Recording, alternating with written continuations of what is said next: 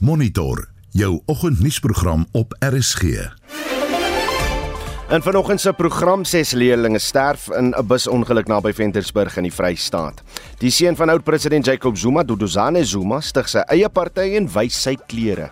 Give us that mandate. The very same people that sit back and say, hey, what is it that you're going to do for us? There's nothing that I'm going to do for you. What is it that you're doing for yourself? The only thing that we're saying to you, the one point we're saying to you is, we will give you the opportunity to showcase your talent, your skills. We're not going to give you handouts. And it's a survival of the fittest situation.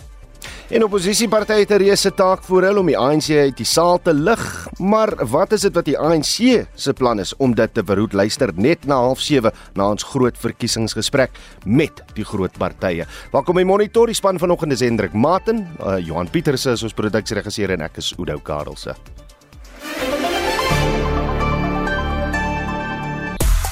Alle oë vandag op Bafana Bafana gevestig in hulle stryd vir 'n plek in die AFCON finaal. Die SA onder 19 span laat so 'n geleentheid deur hulle vingers glip en die Sunrisers Eastern Cape maak seker hulle kan nog die SA 20 titel verdedig en die jongste Nieu-Seeland waar die Proteas besig is om te kolf. Ek is Shaun Schuster vir RSG Sport.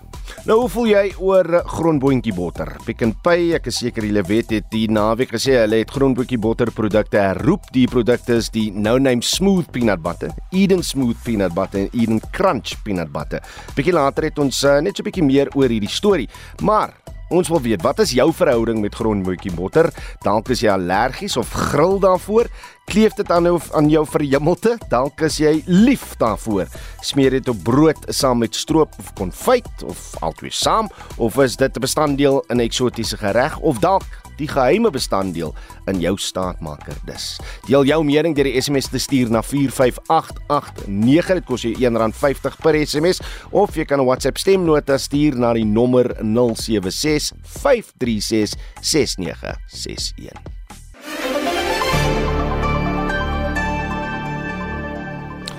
In die nuus gehoor het, is 6 leerdlinge dood en 4 ernstig beseer toe die bus waaraan hulle gereis het op die R70 pad omgeslaan het, sowat 30 km van Ventersburg in die Vrystaat. Die 58 leerdlinge, almal meisies, het van 'n skoolkamp in Riebekstad in Welkom teruggekeer. Die woordvoerder van die nooddienste daar, Sipotowa, sê die beseerdes is na verskeie hospitale vervoer. Emergency services were activated for an accident on R70. It's the road that runs between Sienekal and Ventersburg. On arrival, they found that it's a scholar bus that has overturned. Unfortunately, six of the learners were declared dead on scene. 40 of the learners survived with minor injuries. Eight of them suffered moderate, and four of them suffered severe injuries. They're currently fighting for their lives at the hospitals. The patients were transported to Mediclinic in Velkom, Bongani Hospital in Velkom, and also two of them were transported to Itemoins Hospital in Senegal. At the present moment, the road is closed. The emergency services and the law enforcement are on scene, busy with recovery and cleanup. En dit was die woordvoerder van nooddienste in die Vrystaat Sipotowa.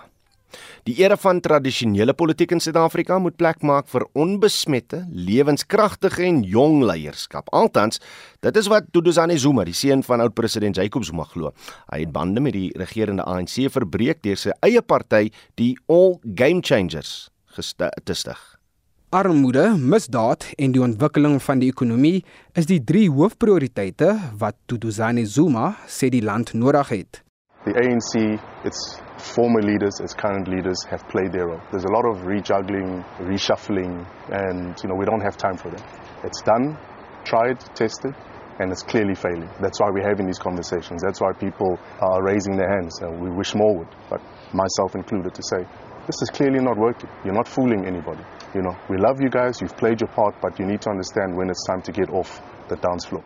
Duduzane sê oor sy pa Jacob Zuma se besluit om die nuutgestigte MK party te steun dat hulle mekaar se uiteenlopende politieke weë respekteer. That is something that we'll understand through his utterances, his responses, his concerns. I'm not going to have a conversation with him. He's his own man. He makes his own decisions. He's my father at the end of the day. I love him. He's my hero. He's my icon. I've always said this, and I'll continue to say this. But it's a new town, and we're here. This new town needs new soldiers.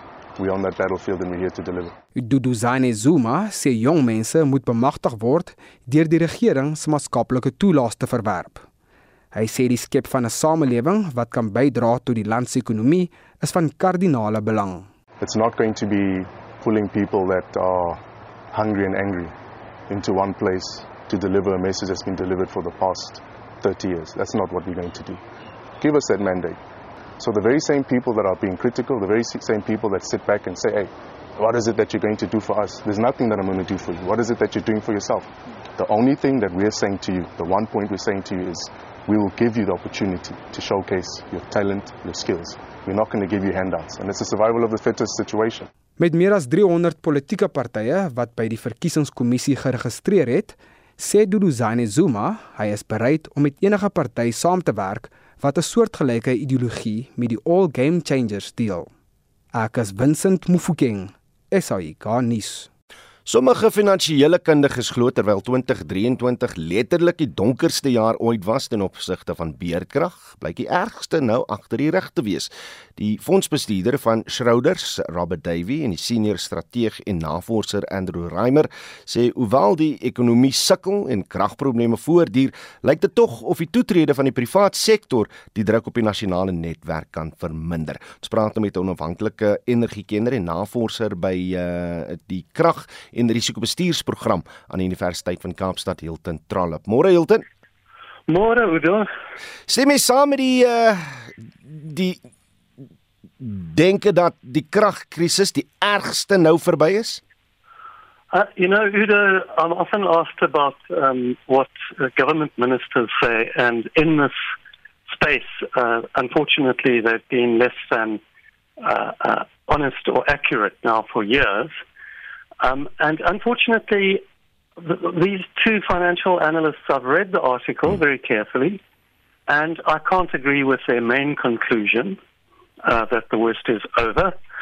Um, I can make some comments on what they've said. Mhm. Um, so what they're saying, the main thing they're saying here is, well, firstly, the worst is over. Um, if you look at the ESCOM data portal uh, over the past few years, including this month, we're sitting here with um, 48% of our fleet uh, in uh, offline, of which 17% is planned maintenance and 31% unplanned and other maintenance. That's kind of average for the past two years. So I don't. Uh, so, so things objectively, in terms of the generators that are offline, Mm. have not improved. Similarly, if you look at the what's called the uh, energy availability factor, that's the uh, percentage availability of the fleet. Uh, we during this year, it was the worst year load shedding. We also had the the worst energy availability factor, and we're also sitting with the same energy availability factor for the past month as for the first month, uh, but lower than uh, the first month of 2023. So objectively, that big fleet of generators, which is uh, in a bad condition in terms of its performance, uh, is not better, uh, is not performing better as a fleet. They do say that some plants have come back online, and that's true. Uh, the four Kusile big generators that had accidents uh, over the past two years, shortly after coming online, uh, Kusile units one, two, three, and five, uh, one, two, three, uh, and five, they're all back online. So that is good news, and that's about two phases of load shedding between them, a bit more. So uh, I've said this in December, and now all objective analysis, uh, uh, also the Department of Mineral Resources and, and Energy, in their recent integrated resource plan, shockingly, according to many anal- analysts, said we can we're going to have load shedding for the next uh, four or five years. So it's yes, maybe two uh, uh, phases of load shedding lower, but there's the other thing that these analysts say is that, and this is correct too, that some 4,000 megawatts of solar has been put on roofs. Uh, and that is confirmed by statistics of imports. But you must remember that 4,000, that solar, that just provides power during the day when on sunny days. And it only provides it to those uh, private buyers. If they've got batteries, they have to fill them up in the evening. Um, it's really good news that. Um, I don't know. If, so that's my first comment on this. That the conclusion is is, in, uh, and then looking forward Yeah. um, for this year, we're sitting. Yes, Eskom has appointed a CEO, Uh, he's meant to come on board on the 1st of March. But um, that took a year, um, and which is a really bad indicator of what's going on between the Public Enterprises Minister and the ESCOM board. Uh, he's still got to get going. Uh, we haven't had one that's lasted more than a year for about 10 years, except Andre de Ruyter. So let's see what he can do when he gets there. Um, so also then objectively, we're sitting with the, the same governance arrangements with no CEO, same level of performance. The only bright uh, uh, light here, unless you can call fixing things that were brand new and you broke them and just getting them going, uh, good news, is this 4,000 megawatts onto the grid from the private sector. As in ander woorde, daar is bietjie van 'n verbetering, maar dinge kan wel erger word. Hilton Trollop, dankie vir jou tyd op monitor. Hy's 'n onafhanklike energiekenner en navorser by die krag- en risikobestuursprogram aan die Universiteit van Kaapstad.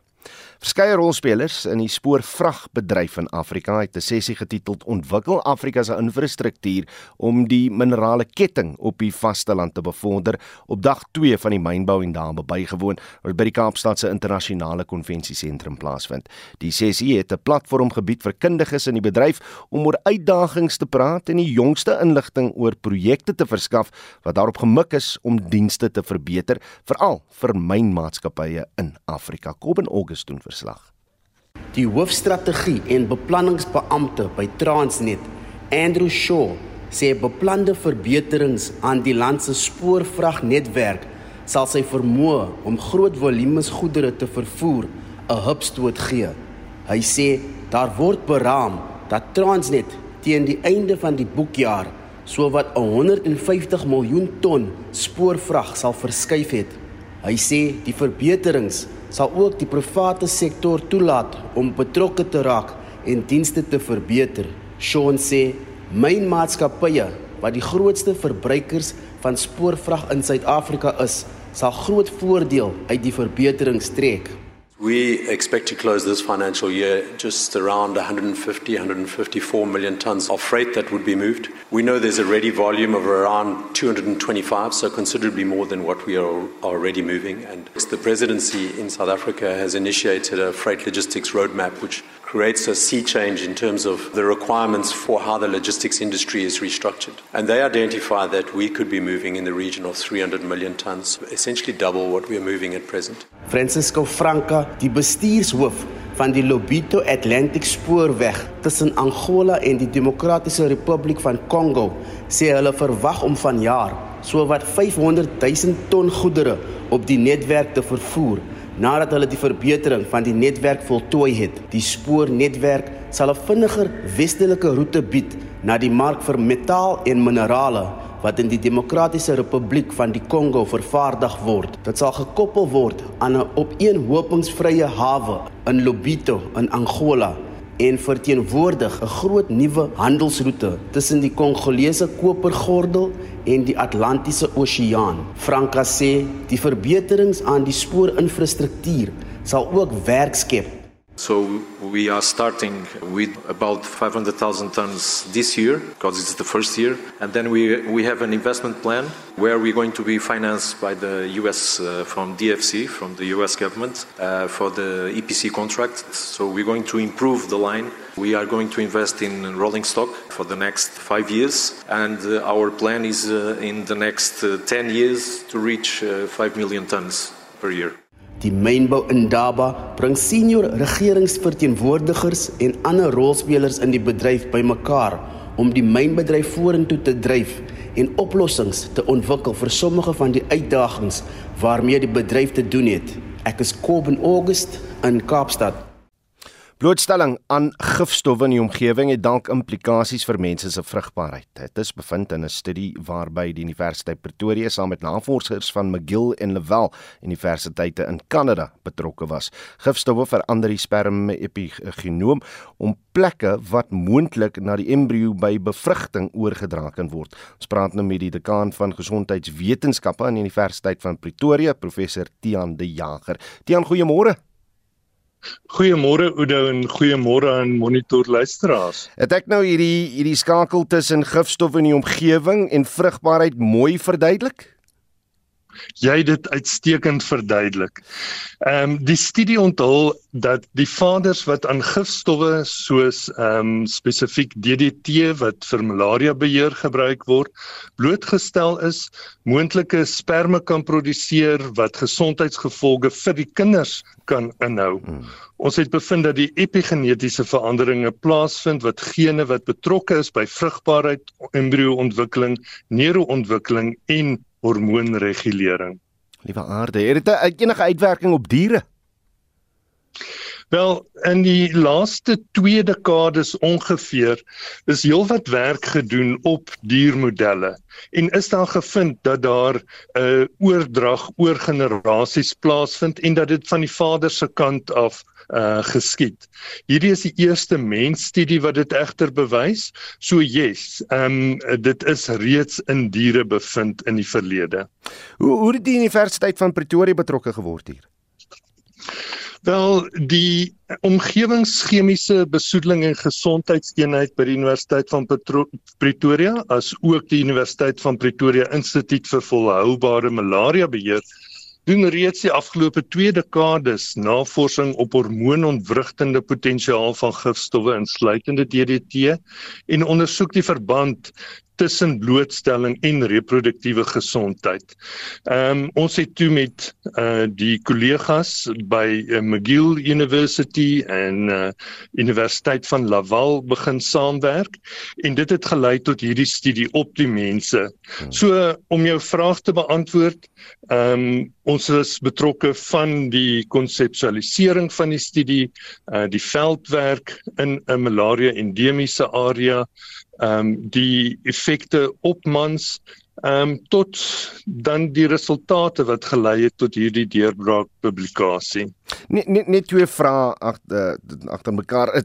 Eerstens is dit 'n Suid-Afrikaanse probleem of 'n wêreldwye probleem? En indien ons nie enigiets doen omtrent die vlakke van die gifstowwe in die omgewing nie, wat gaan dan gebeur met die mensdom? Dit is definitief nie geïsoleer tot Suid-Afrika nie. Hierdie studie het wel gefokus op die gifstof DDT. Maar ehm um, die bevindinge in diere is dat dit uh dieselfde potensiaal het wanneer blootstelling plaasvind aan ander hormoonontwrigtende stowwe. Ehm um, en dit kan wees uh plastiseerders, ander gifstowwe, lugbesoedeling, 'n uh, 'n reeks van verskeie ehm um, chemiese stowwe wat ons in die omgewing kry tot 30000 wat hierdie potensiaal het om die hormoon uh balans in die mens te verander. Nou daar is dinge wat ons kan doen. Um, ons kan natuurlik die eerste is om bewus te wees, tweedens jou blootstelling te verminder. Uh basiese praktyke soos jou groente en vrugte goed te was en meer na die organiese produkte te kyk om jou blootstelling aan gifstowwe te beperk. Ek sien al hoe daai jong manne is wat nou gaan gryp na 'n masker. Gaan dit help?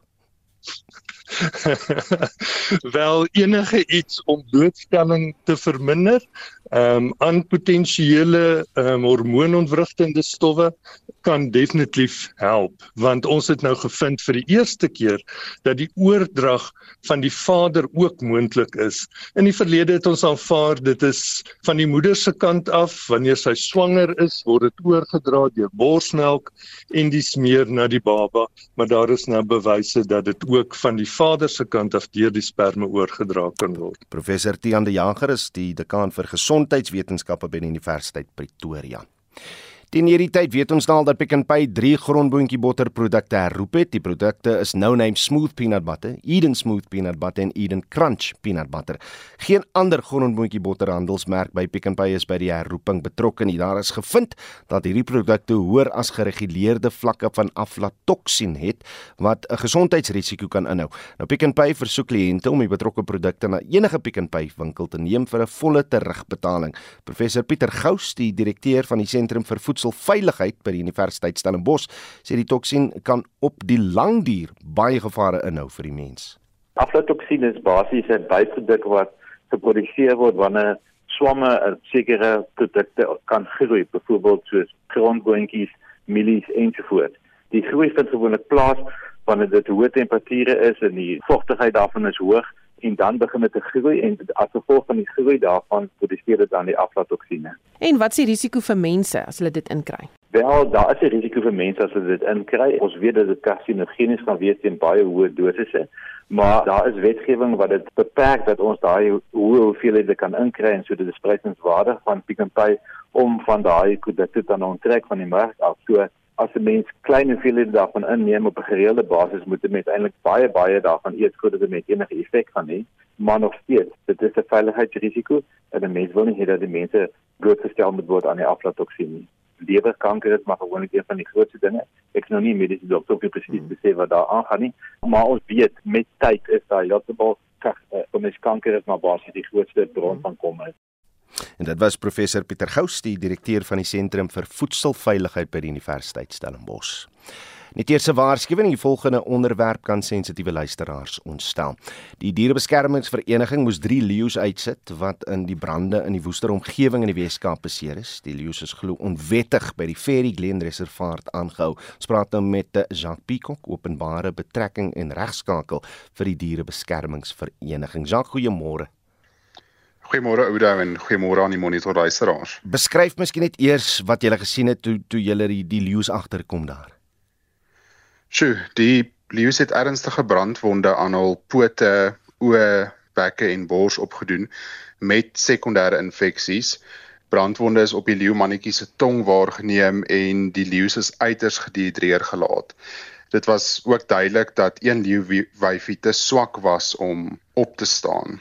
'n uh, hartseer prentjie was die leeu mannetjie wat sy agterpoot in die vuil waterbak gehou het in 'n desperate poging om sy geweldige pyn te verlig terwyl hy nie kon staan of rondbeweeg nie en maaiers is ook in die wonde aan hul pote waargeneem. So jy het geen keuse gehad en jy moes hulle maar net uitsit. Inderdaad, ehm um, ten spyte daarvan dat Ferry Glen veerts en hy kundige behandeling vir die diere verkry het, word die behandelingsplan hoog hoogs bevraagteken met die leeu's wat gelaat is onder toestande waarin voortdurende lyding duidelik was. Ehm um, deel van ons span was Dr Pieter Caldwell, een van die wêreld se voorste karnivoor veeartse. En teen die stadium wat behandeling gegee is, is net een leeu behandel. Die twee leeuwyfies is eers op Dinsdag 30 Januarie 2024 het hulle behandeling eers begin 4 dae nadat hulle gebrand is en Dr Caldwell het ontstellend verduidelik dat al drie leeu's veronderstel was om in intensiewe sorg te wees. So dit sou net onmenslik gewees het om toe te laat dat die leeu's aanhou ly in die toestand waarin hulle was. Bykomend tot hulle beserings was die toestande waarin hulle aangehou is ook vuil en parasities gewees, bevuil met vrot hoenderkarkaste besmet met maaiers. Die groot probleem hier, as ek reg is, is dat die leeu's onwettig op die reservaat aangehou is. Hoe so? Die NDBV het bevestiging van Cape Nature, die plaaslike bewaringsowerheid ontvang dat die reservaat nie permitte het om die leeu's wettiglik aan te hou nie. Ferry Glen het ook geen lisensie ingevolge die wet op beskerming van gedresseerde diere uh vir die diere gehad nie ten spyte daarvan dat hulle in wese as 'n dieretuinbedryf is met diere wat ingeperk is en vir wins uitgestal is. En hierdie aspek van die ondersoek is dan ook aan Cape Nature verwys. Hoe hoe kry mens leeu's in die hande sonder die die korrekte uh, uh, dokumentasie? Op die stadium is die ondersoek nog besig om aan te gaan. Soos wat ons verstaan, is daar nie permitte sedert 2014 nie uh of daar permitte voor dit was en dit nie hernees nie is op hierdie stadium nie duidelik nie en dit vorm deel van die ondersoek maar op die stadium is dit duidelik dat daar van ten minste 2014 af nie permitte uitgeneem is vir die diere nie. Is daar nou 'n strafregproses wat hier moet volg gevoel? Die NDBV oorweeg ons volgende stappe om te verseker dat diegene wat verantwoordelik is vir die geweldige en volgehoue leiding van die diere aan die pen gelê word. Dit is natuurlik 'n blywige proses met verslae van Dr. Caldwell, uh, ons eie verslae. Ehm um, so op die stadium is ons nog besig om alles uit te pleis ehm um, en die situasie uh, te ondersoek. Baie dankie vir tyd, dis Jacques Peacock, die openbare betrekking en regskakel vir die dierebeskermingsvereniging. Jy luister na Monitor elke weekoggend tussen 6 en 7. 6:33 en hier is wat volg in die tweede helfte van ons program. Ses leerders van Welkom in die Vrystaat sterf in 'n busongeluk en ons uh in ons verkiesingsgesprek na 07:30 oppositiepartye het 'n reuse taak vir hulle om die ANC uit die saal te lig. Bly ingeskakel.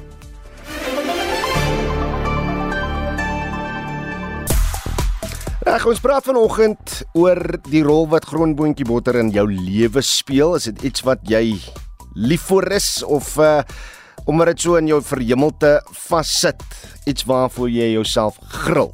Laat weet op die SMS lyn hoe voel jy oor grondboontjie botter. Uh Nas van Oos-London. Dankie vir jou boodskap. Hy sê goeiemôre. Peanut butter gee ou man baie krag wanneer die son sak. En dis nou oom Naas in Oos-London. Weet nie wat hy daarmee daarmee bedoel nie. Grondbietjie botter, jaar gelede het ek uh, in Germiston skool gehou waar daar 'n sopkombuis was. Kinders kon 'n beker sop en 'n broodjie met dik grondbietjie botter uh, gesmeer het. Uh, die uh, gesmeer het gekry. Die uh, dis baie voedsaam en lekker. Ek geniet 'n grondboontjie botter vandag na 50 jaar steeds. Dis nou Bets Ferreira uh, in Amanda se. En dan sê Winifred Pinaar net eenvoudig sy is baie lief vir peanut butter die rol wat grondboontjie botter in jou lewe speel. Laat weet, stuur vir ons 'n SMS na 45889. Dit kos jou R1.50 per boodskap. Jy kan ook vir ons 'n WhatsApp stemnota stuur na 0765366961. Ja, dis nou tyd vir die jongste sportnuus met Shaun Jooste. Môre Shaun. Goeiemôre Oudo. 'n Geening om almal se lippe is uh, wat vanaand gaan gebeur tussen Suid-Afrika en Nigerië, maar net voor ons by die uh, nuus uitkom, ek sien ons departement van internasionale betrekkinge het nou betrokke geraak by 'n stelling deur die Nigeriese konsulaat dat uh, Nigeriërs in Suid-Afrika maar versigtig moet verkeer vanaand mits hulle Bafana Bafana klop. Ek weet nie of dit uh, oordrewe is of of 'n weerspieëling is van wat eintlik daar op straat plaasvind nie, maar dis die groot sportstorie vir vandag. Ja, kom ons kyk gou vanaand na hierdie uh, semifinaal tussen Nigerië en natuurlik Suid-Afrika. Nou Suid-Afrika uh so verskyn in 1996 die enigste keer wat Suid-Afrika as kampioen gekroon kan word. Nigerië is al 3 keer as kampioen gekroon. Nou 14 kragmetings tussen die twee spanne het Nigerië 7 gewen, waar 5 wat gelyk op geëindig het en Suid-Afrika het 2 gewen. Suid-Afrika is 12de in Afrika en 66ste in die wêreld met Nigerië 6de in Afrika en 42ste in die wêreld. Nigeria word as gunstelinge beskou, maar die Bafana Bafana dryf Hugo Broos sê Suid-Afrika is gereed. It's a little bit the same situation than a few weeks ago against Morocco. They're also a very good team, players who are playing in Europe with big teams. So you can compare it, and uh, I think for many people, Nigeria tomorrow will be the favorite to win that game. But as you know, in football, it's not always the favorite to win.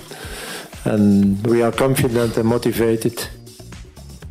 Die kragtens kom natuurlik nou vanaand 7 uur af en 10 uur stakel u voor tussen die DRK mekaar ook in die ander halfend en baie sterkte aan Bafana Bafana. 'n Kans wat gister 'n span wat liewer gister kans gehad het om 'n uh, finaal te bereik was ons onder 19 mans cricket span, maar dit het nou toe nie gebeur nie, Shaun. Ja, Suid-Afrika het 'n relatiewe goeie teiken opgestel na hulle 244 vir 7 geëindig het. Uh, Luan Drey Pretoria se 76 en Richard Tseletswane se 64 was nogal instrumenteel geweest. Nou Indië was vroeg in die moeilikheid op 32 vir 4 maar dan sy vyfde paaltjie vennootskap van 171 lopies, seëvier hulle met twee paaltjies. Nou Udo uh, Quinlan Mapaka wat die meeste paaltjies in die toernooi plat getrek het Dit is verbasend vir meer as 30 balbeurte nie gedryf nie. Dit was ook juist na die tyd toe daar die groot vennootskap begin Frans wat het. Nou ja, dit is 'n uh, verskillende kans, maar ek voel Suid-Afrika kan net hulle self plan meer serieus nederlaag. Reg en dan kyk ons na die jongste, wel, voor ons daarby uitkom net vinnig die SA20 kompetisie. Uh daar's 'n voorstelling dat die verdedigende kampioene dit weer kan doen. Ja, Sunrisers uh, is nie kyk vir die Durban Super Giants het met 51 lopies geklop. Nou, hulle telling van 157 vir 8 was gans te veel en dan sou die Sunrisers se bowlers Marco Jansen en Otto Baartman wat vier paadjies elk laat kantel het. Hulle is nou direk deur na die eindstryd. Die Ball Royals en Joburg Super Kings pak mekaar vandag vir 'n plek in die laaste uitspelwedstryd teen die Durban Super Giants. En uh, wat is die jongste daar in Nieu-Seeland? Die Proteas met 529 aanteken om die toets te wen, die eerste toets te wen natuurlik. Uh, dis nou iets wat nie eintlik verwag nie. Uh, ek kyk gou vinnig na die telling van Suid-Afrika. Hulle staan op 238 vir 9 in die tweede beurt. So uh, dit is beslis nie maklik nog net een paartjie wat oorbly. Dan die tweede van drie eendag wedstryde tussen uh, die Aussies en Protea se vroue span het ook vanoggend begin. Australië het dood gewen en Suid-Afrika ingestuur om eers te kolf. Daar die jongste telling is Suid-Afrika 55 vir 2 na 13 volbeurte. En dan het laastens is daar nou geen twyfel oor waar Rassie Erasmus homself gaan bevind vir die volgende paar jaar nie. Ja, net vir die amptelike bevestiging gewag natuurlik. Uh, Rassie Erasmus vervul weer die rol as hoofafrigter met Swandile Stiek en Dion Davids sy hulpafrigters. Dan dan is natuurlik steeds skrimafrigter, die voormalige All Black Tony Brown is nou die aanvalsafrigter en die Ire Jerry Flannery is in beheer van ons verdediging. Die voormalige Bok Afsteman Dwayne Vermeulen, die nou as 'n tipe van hulpafrigter uh, vir alle nasionale spanne en die nou afgetrede skeieregter Jacob Pieper vervul ook nou die rol van adviseur wanneer dit by rugby-wette en op die skeieregter se interpretasie daarvan kom. En dan Shaun Jooste van RSG Sport.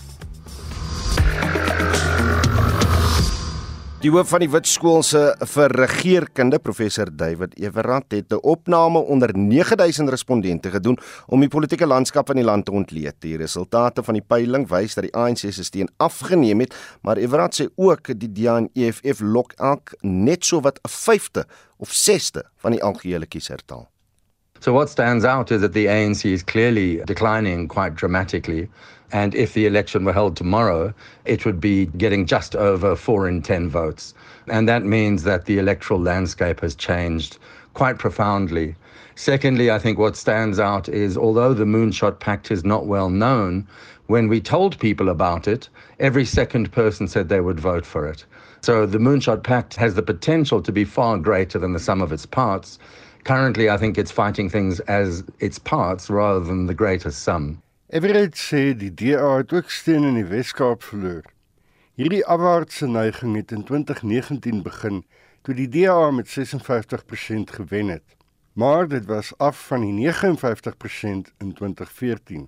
Die huidige 42% is 'n merkwaardige daling gegee die voortdurende media-dekking van die Wes-Kaapse regering as die nasionale goudstandaard. Everett meen kiesers stem blykbaar nie saam nie. The Western Cape looks fascinating because, again, if the election were held tomorrow, the DA would only get 42%. I think that the Palestinian issue may well have affected respondents. So too may the fact the sins of incumbency. The DA has been in power for a long time and people lose their passion. Look at the declining ANC vote, you see a declining DA vote as well. In that province, almost no one is doing well. The, the EFF went up by a couple of percent, but still hasn't managed to break through the 10% barrier. So it'll be the Western Cape to decide who it goes into a coalition with, if indeed it needs a coalition. In KwaZulu-Natal verloor die ANC ook met net so wat 26% steun. Die IFP se steun is 15%. The KwaZulu-Natal results are remarkable. It looks like the ANC has almost completely collapsed. I mean, we have it down at 24%, I think, sorry. And the DA and the IFP are level pegging on about 13%. And so the Moonshot Pact there almost certainly will be able to form the next government. And you can understand why a third of the population or the respondents are not wanting to give an opinion, given the, sadly the rise of political violence, the growing number of assassinations, and so on. Soos die ANC se steun verloor, is die DA en EFF hard aan die werk. Maar Everett sê dat hulle nie in staat is om meer as 'n vyfde van die kiesers nasionaal te kan ooreed om vir hulle te stem nie. I think it's a watershed election for just about everyone. I think the ANC nationally is going to have to make a choice of its coalition partner or partners. And what it does will tell us exactly where the soul of the ANC lies. It can go with the DA, it can go with the EFF. If it pumps up its vote somehow, it can try and stitch a whole lot of smaller parties together. But I think the choice it makes will tell us about the balance of forces in the ANC and also the likely future direction of the ANC. I think for the two main opposition parties, the official opposition, the DA, which is getting about a fifth of the votes, and the EFF, which is getting about a sixth of the votes, their problem is just that. They're not able to get more. And they really should be fighting in the 30 or 40%, really beginning to challenge. One of them needs to take over and become a really big opposition party. And they're simply failing to do that something should click in politicians' minds that voters are not getting excited by what's on offer. And the fact that so many people, just under half the potential electorate, have chosen not to register tells us that the political parties are failing to capture the imagination of voters, and voters in turn are losing interest in parties and in the election. And so I think for all of us, it's going to be a very important election to watch and to live through. David Everett is hoof van Witse Skool vir Regeringskunde. Hierdie bydraes met hulp van Vincent Mofokeng saamgestel en ek is Hendrik Martin vir SAK nuus. Ons praat verder hier oor met Cameron Dugmore, die leier van die ANC in die Wes-Kaapse wetgewer. Cameron, goeiemôre. Haai, goeiemôre Udo en aan die luisteraars. Lekker om jou saam met ons te hê. Dan het ons ook die DEA se nasionale woordvoerder Werner Hon by ons. Werner, goeiemôre. Hallo Udo en Goeiemôre aan almal. En dan sê ons ook welkom aan Lourens de Klerk. Hy's 'n lid van die IFP se nasionale raad. Uh um Lourens, goeiemôre. Môre Oudo, môre almal. Daar sê. Cameron, kom ons begin met jou. As ons nou kyk na wat Everard te sê het in sy uh uh ontleding daar. Weer eens 'n peiling wat sê die ANC gaan minder as 50% steun kry. Is jy bekommerd? Ons is nie bekommerd nie. Jy weet, is baie belangrik om enige peiling ernstig op te neem. Maar om jou vraag te antwoord, ons is nie bekommerd nie. Ek dink 'n mens moet ook kyk na die peiling van die um Wits Universiteit was eintlik um, betaal um deur Roger Jardine se party. En 'n mens wonder elke keer, jy weet, watter vrae was gevra word vir, vir die mense wat um jy weet um deelgeneem het in die peiling en natuurlik as iemand betaal uh vir 'n uh, uh, opname of 'n peiling is dit duidelik dat jy weet as as 'n mens nie kyk na die tipe vrae wat gevra word byvoorbeeld meneer Everett in die opname ehm um, wat gespeel is net voor ehm um, ons nou opgekom het ehm um, hy het gesê mense het nie eers geweet van die sogenaamde moonshot pact en wanneer hulle ingelig was oor die moonshot pact dan een uit twee van hulle het gesê hulle gaan daarvoor stem. So dit lyk vir my daar is 'n paar uh, vraagtekens oor die die opname self en die vrae wat gevra word. Goed. Maar ek dink dit moet ernstig opgeneem word en ons fokus as die ANC is om seker te maak dat ons uh, oor die 50% kry um, op 'n nasionale vlak en dat die DA in die Weskaap um, onder 50% uh moet moet daal. Maar ehm um, ek dink dit is belangrik ook wanneer 'n peiling of 'n op, uh, of 'n opname geneem word. Die een ek dink was Desember. Dis nou Februarie en uh, daar's nog 'n paar maande of meer as 'n paar maande oor uh, tot die verkiesing. Alles goed en wel, maar dit stem tog ooreen met Ipsos se navorsing wat miskien meer geloofwaardig is dat die ANC minder as 50% steun gaan kry in die verkiesing. Um miskien net 'n vinnige reaksie daarop want ek wil tog na die ander uh, gasse toe ook gaan uh, Cameron.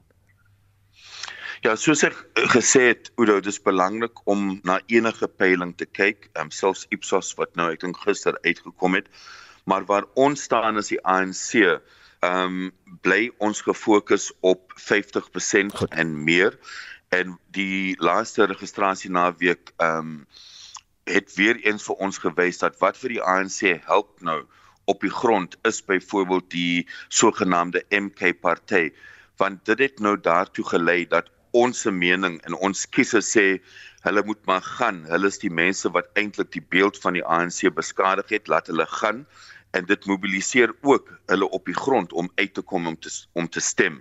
So Goed. ons is ons fokus nou ehm um, is om nog meer mense te laat registreer en om seker te maak dat ehm um, daai gees wat nou opbou om eintlik ehm um, te sê dat die vrotappels binne in die ANC gaan nou weg en die ANC is nou besig met sy hernuwingsprogram en vir ons okay. is dit 'n Goed, groot kom ons kom ons kom by die ander gaste ook uit. Cameron uh, Werner, jy het nog geluister na wat uh, Cameron te sê gehad het daaroor en ook as ons kyk na Everard se navorsing, as ons kyk na die Ipsos Makinor navorsing, toon dit dat die die ANC dat die DA ook bietjie steen verloor en uh in Ipsos toon dit ook dat die EFF moontlik na die verkiesing die amptelike oppositieparty kan wees.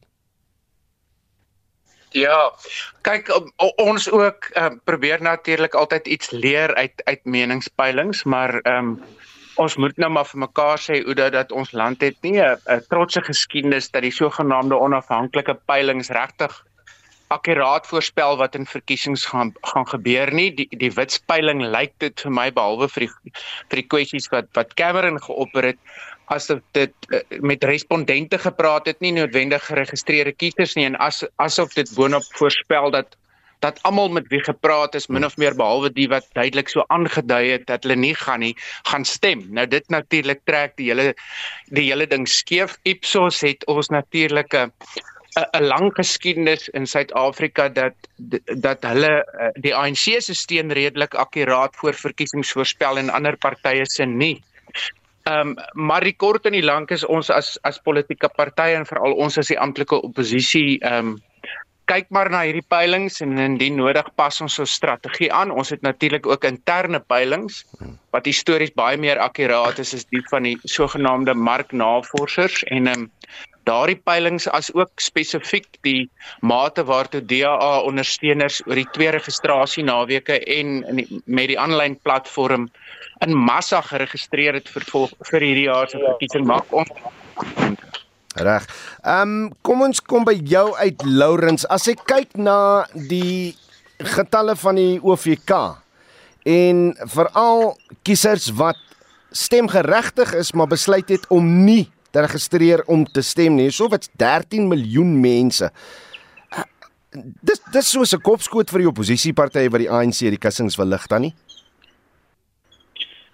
Wel, dit is die realiteit gewees deur al die uh, jare. So ek kan nie saamstem dat dit 'n kopskoot is nie want uh, dit raak almal. Dit raak elke liewe uh, politieke party wat deelneem. In elk geval in in in, in Natal uh, is die provinsie in so 'n interessante posisie uh dat uh, soos uh, die persoon van die ANC gesê het, hulle nie bekommerd is nie. Is ons as die IFP nie bekommerd in Natal nie want ons gaan hierdie provinsie vat. Uh, verseker. Hmm. Uh, daar da word gepraat van die swakheid van die ANC in in KZN Cameron. Ehm um, hoe die ANC beheer verloor oor een van die partye se mees uitgesproke leiers en en nou moet jy hulle boonop ook opgesaal sit met sy seun Duduzani Zuma en sy geld en sy nuwe politieke aspirasies. Ek weet ehm um, ek dink Jacob Zuma het myself besluit vir uh sy eie redes, persoonlike redes um, vir sy vir sy eie um, jy weet um hy het daai besluit gemaak om na homself te kyk. En ek ek dink mense begin begin om daardeur te sien uh waarvoor Jacob Zuma eintlik staan. Die mense wat saam met hom gaan is soos ek vroeër gesê het eintlik die die vrot appels binne in die ANC en baie van ons mense as ons met hulle praat mense wat nie gestem het in 2019 sê duidelik vir ons hulle het gewag vir die oomblik want hulle het gevoel dat die ANC nie opgetree het sterk genoeg eintlik teen hom. So op die einde van die dag, ehm um, ek dink as jy kyk na die laaste naweek, al wat die MK mense gedoen het is om te probeer hier en daar ehm um, jy weet te protes by die uh, stemlokale en wat ons optel ehm um, is dat dit eintlik vir die ANC baat dat die vrot vrot appels nou saam met Zuma gaan en dit gee eintlik momentum na die ANC hernuwingsprogram. So natuurlik KZN en ek is nie hier om direk oor KZN te praat, hmm. maar u moet besef dat die ANC stadig maar seker sedert 1994 sterker en sterker geword in KZN. Ons het natuurlik um, uitdagings daar, maar eintlik soos hulle sê, uh, Jacob Zuma um, gee vir ons nou 'n um, daadwerklike kans dat mense sien uh, waarvoor hy staan, wat hy gedoen het en voel dat die ANC het nou uiteindelik teen hom opgetree en dit help vir ons. Stem jy saam Werner? Wat Cameron nou te sê het oor uh, oud president Jacob Zuma en die MK party?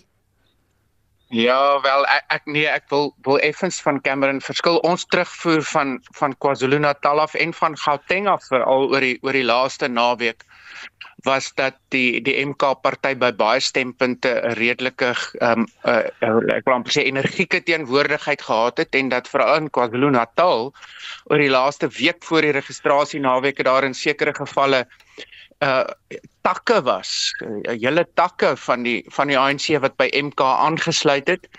Um en dis baie duidelik uh, uh, dit is natuurlik sodat nie nie Ipsos of Witse peilings die MK party nou al kon kon meet nie, maar um, in terme van ons interne peilings lyk dit vir ons asof die MK vir die ANC en ook die EFF sekere uitdagings gaan bied in vanjaar se verkiesing. Lawrence het nou baie sterk menings gelig oor KZN. Kan ek vra Sou die FVP in 'n posisie wees om na die verkiesing die ANC nog steeds aan bewind te hou in 'n koalisie? Sou julle dit doen? Wel op kom ons kyk net na hulle steen. Uh ons kyk na die die die die peilings, maar mense gaan ook kyk na wat op die werklikheid op die grond. Die werklikheid op die grond nommer 1 is in die 2021 verkiesing het die ANC al reeds 44% van die steen gehad. So hulle is reeds 150% in hierdie provinsie. Tussenverkiesings het ons byna elke tussenverkiesing gewen en die wat ons nie gewen het nie, het ons 'n uh, groot uh, uh, opswaai in steen ontvang. As dit gebeur dat daar 'n koalisie uh, moet plaasvind, moet ons besef dat ons is deel van die Moonshot Pact, so dit sal ons natuurlike inklinasie wees om heen te gaan. Die mense in hierdie provinsie, die ANC verwerp en ek sal dit moeilik vind om te sien dat die IFP en saam met die ANC in 'n koalisie sal gaan. Cameron, net 'n vinnige laaste vraagie. Ons het al op vorige geleenthede die DA aangevra vir Werner Hon gevra wat miskien polities sin maak is dat die DA en die ANC eenvoudig net 'n koalisie vorm en mekaar polities verantwoordbaar hou. Sou dit 'n opsie wees vir die ANC na die verkiesing?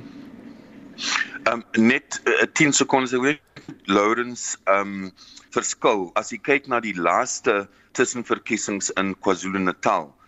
Daar het die ANC gewen en ek dink dit is nou die jaar en ek dink dit wys weer 'n opwaartse tendens van die ANC, maar in die Wes-Kaap is dit duidelik vir ons as ons kyk na die openbare verhore in terme van die sogenaamde magte van die provinsie, dit was heeltemal by elke van die vergaderings verwerp.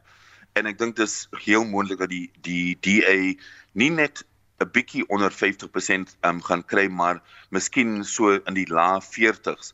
So 'n koalisieregering in die Wes-Kaap is heel moontlik, maar die ANC se fokus is nie op koalisies.